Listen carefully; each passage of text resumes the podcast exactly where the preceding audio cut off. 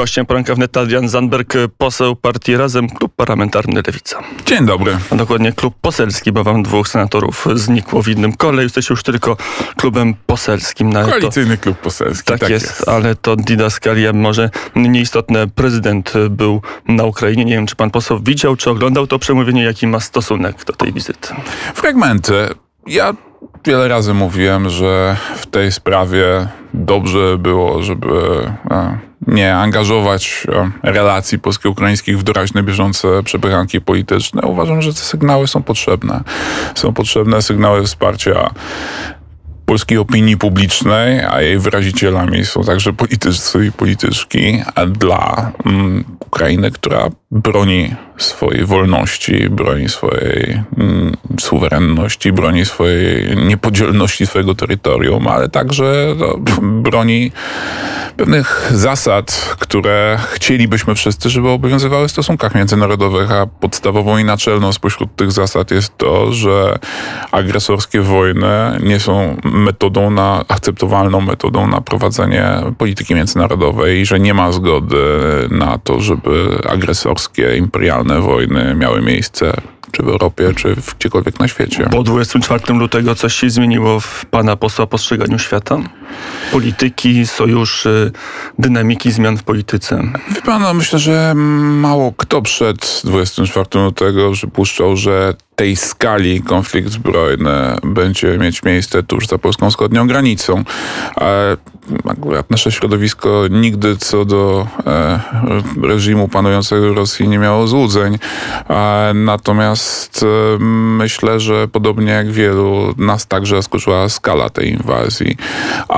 Ale tu chyba w, dziś istotniejszą rzeczą niż zastanawianie się nad tym, jakim przełomem był 24 lutego, jest zastanawianie się, co możemy zrobić tu i teraz, dzisiaj, żeby realnie pomóc Ukrainie, tu i teraz, dzisiaj, żeby realnie obronić pokój.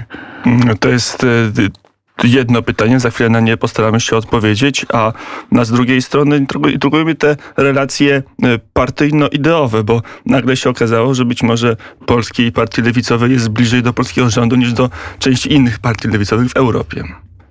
Nie, no na przykład do, do, A, do greckich waszych e, sojuszników, którym musi się zerwać kontakt. Nagle się okazuje, że, że patrzenie na politykę, na te najważniejsze sprawy e, może być bardziej jednorodne w ramach państw narodowych niż w ramach sojusz ideowych poza państwami narodowymi, chociażby w, w ramach Unii Europejskiej. Ja myślę, że tutaj wiele zmienia w perspektywie to, czy mm, rozmawiamy z lewicą z krajów Europy Środkowo-Wschodniej czy ze krajów skandynawskich, a inaczej oczywiście patrzą na to ludzie, którzy mieszkają tysiąc, dwa tysiące, trzy tysiące kilometrów dalej. Chociaż idee są uniwersalne i powinny nie dzielić. Odległość powinna nie mieć różnicy co do kwestii ludobójstwa, co do kwestii Ale wojny napastniczej. Pan, powinno ja, być uniwersalne. Ja nie mam wątpliwości, że tak właśnie jest i być powinno. Natomiast też e, pamiętam, jak w naszej części Europy z, e, że tak powiem, dosyć daleko posuniętą brakiem zainteresowania spotykały się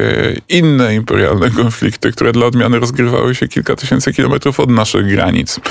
E, jak, e, jak i w naszej debacie publicznej pojawiał się wtedy dosyć e, niesmaczny cynizm, kiedy, kiedy o prawach człowieka tam rozmawialiśmy. Natomiast powiem panu, że tutaj w, oczywiście jest tak, że te, to, ta perspektywa, to postrzeganie e, tego, co dzieje się dzisiaj, jakie, do jakiej stawki idzie dziś gra e, na froncie rosyjsko-ukraińskim, jest oczywiście zdecydowanie bliższa, jeżeli chodzi o kraje skandynawskie.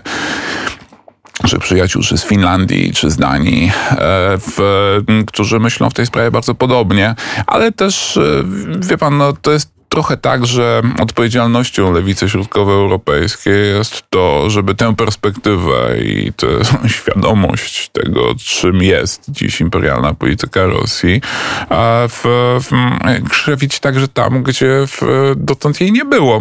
To jest między innymi jeden z powodów, dla których razem bardzo mocno zaangażowało się w kampanię wspólnie z naszymi przyjaciółmi z socjalnego ruchu, z ukraińskimi socjalistami, kampanię na rzecz mm, mm, uwolnienia Ukrainy Od długu zagranicznego.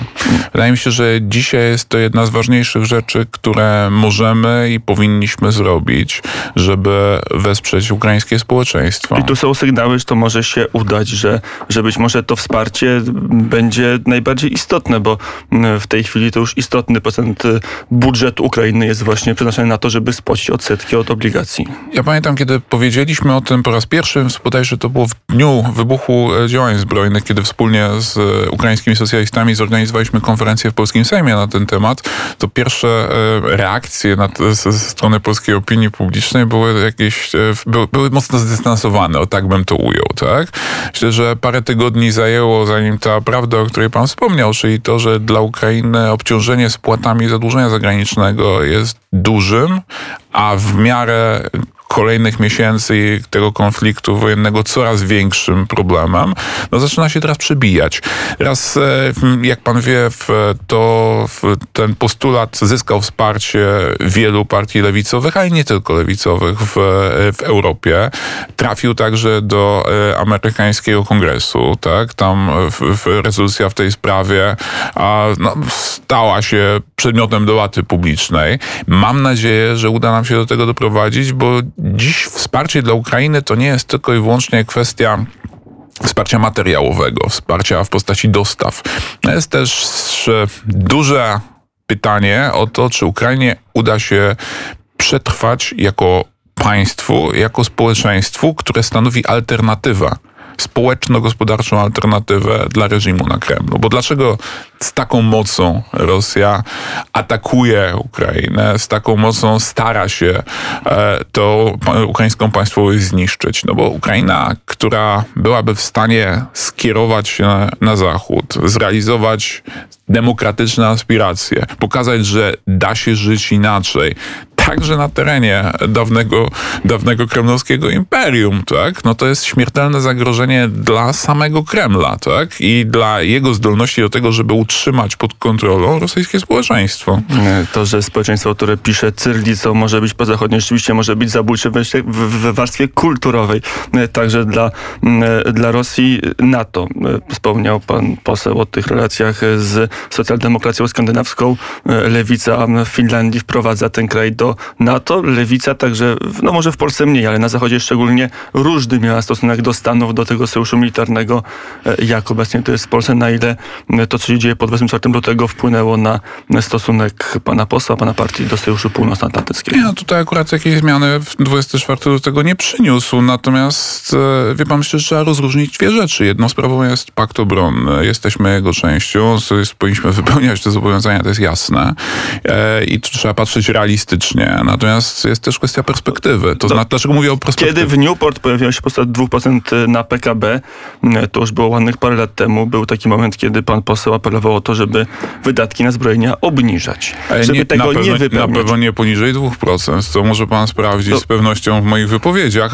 Spór toczył się o coś innego. To znaczy, czy Polska powinna podnosić wydatki powyżej 2% ja przyznam uczciwie, że w tej sprawie dzisiaj moja opinia jest inna niż była 2-3 lata temu. No, głosował pan za ustawą Proszę o... pozwolić, że powiem, powiem dlaczego. Tak? Znaczy John Maynard Keynes e, kiedyś odpowiadając na, na pytanie o, e, o swoją opinię na pewien temat, odpowiedział e, interlokutorowi i kiedy zmieniają się fakty, ja zmieniam opinię i zapytał go, a pan?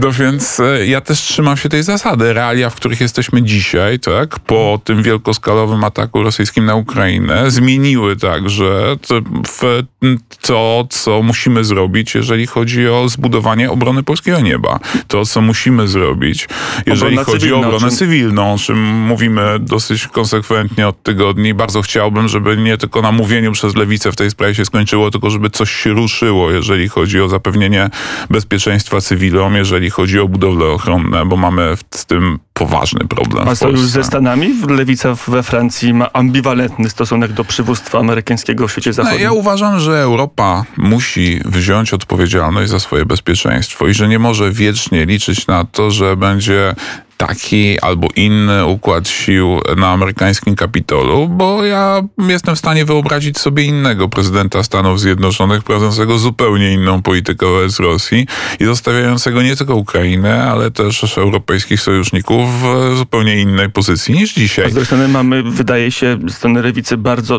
w miarę dobrych przywódców w Paryżu i w Niemczech i znaczy strach, nie, w jakim strach... sensie w Paryżu, bo w no Paryżu, to... paryski przywódca jest, w miarę, dlatego, jest że... liberałem. Jest, w, w, w, no ale jest... chyba lepszy niż Marie Le Pen. Tu się... no, ale to jasne, no, no tylko... Więc w miarę to, i patrzymy ale na podstawę... rozmawiamy raczej, jak rozumiem, o perspektywie mniejszego zła no. niż większego dobra. Y, okej, okay, e... przyjmijmy to, ale dopatrzymy na tą przywódcę, jakie jest w Paryżu i w Berlinie i czasami strach pomyśleć, co by się stało, gdyby nie było tego Waszyngtonu. Dlatego ja uważam, że to, co powinno być naszym strategicznym celem, to to, żeby doprowadzić do budowy europejskich sił obronnych. Europejskich sił obronnych, które zapewniłyby naszemu kontynentowi zdolność do tego, żeby wziąć odpowiedzialność za swoje bezpieczeństwo. E, Dzisiaj powiem też szczerze, że dziwi mnie ze strony części prawicy dystans wobec tego pomysłu z dwóch powodów. Po pierwsze, dlatego, że ja jeszcze pamiętam, jak e, idea budowy europejskiej armii była bliska Lechowi Kaczyńskiemu. Jarosław ale, Kaczyński jeszcze parę miesięcy temu powiedział to w wywiadzie dla Interior, dobrze pamiętam, ale że też, jest za. Ale też druga sprawa i to jest rzecz, no trochę mam wrażenie w polskiej debacie e, publicznej nieobecna.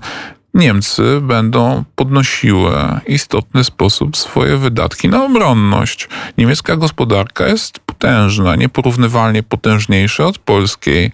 Ja to wolał, dla nas dobra informacja ja czy zła? Ja wolałbym, żeby niemieckie zwiększone wydatki na obronność były prze, wydawane w ramach wspólnych europejskich projektów obronnych, które wiążą wspólnie Polskę, Niemcy i inne kraje regionu, niż były to wydatki czysto niemieckie na czysto niemiecką obronę i czysto niemieckie zdolności militarne, ponieważ no, myślę, że lekcja historii XX wieku pokazuje, że silnie zintegrowana Europa e, raczej służy sąsiadom Republiki Federalnej niż im szkodzi w tym zakresie. I na tym sapientisat poprzestańmy. Zanim do polityki krajowej na chwilę przejdziemy, to jeszcze jedno pytanie o politykę zagraniczną.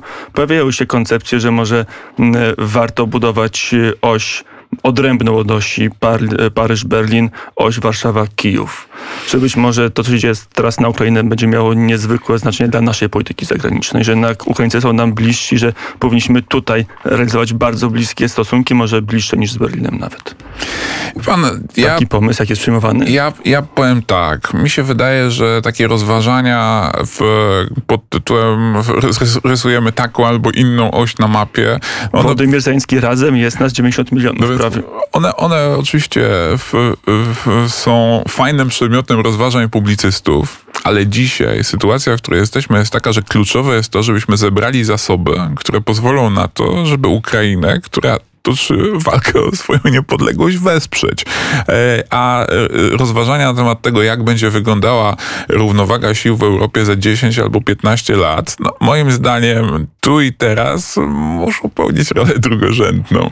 E, to jest jedna sprawa. Druga rzecz jest taka, ja oczywiście uważam, Ale że naszym strategicznym interesem Unia Europejska też się zaczynała od takich szalonych pomysłów. Ja uważam, że naszym strategicznym interesem jest to, żeby Ukraina dołączyła do Unii Europejskiej. Mówimy to zresztą konsekwentnie od dawna, zarówno my, jak i nasi koalicjanci z, z klubu staramy się na rzecz tego e, w, budować możliwie szerokie poparcie także w Parlamencie Europejskim, także w innych krajach europejskich. E, I myślę, że na tym powinna się też skupiać polska dyplomacja dzisiaj, bo oczywiście jest też tak, że Ukraina w Unii Europejskiej jest korzystna także dla Polski, dla układu, e, no może nie dla układu sił, to, to być, być może twarde słowa, dla, dla perspektyw, ale które są e, wystarczająco wybrzmiewają także twarde, w ramach Unii Europejskiej. Twarde, ale może prawdziwe, jak się popatrzy na praktykę rządzenia w Unii Europejskiej, trochę tam jest interesu sił e, i tego, i, i roli sił i tego nie odejdziemy. Adrian Zandberg, gościem poranka wnet. Muszę dwa, trzy pytania o tą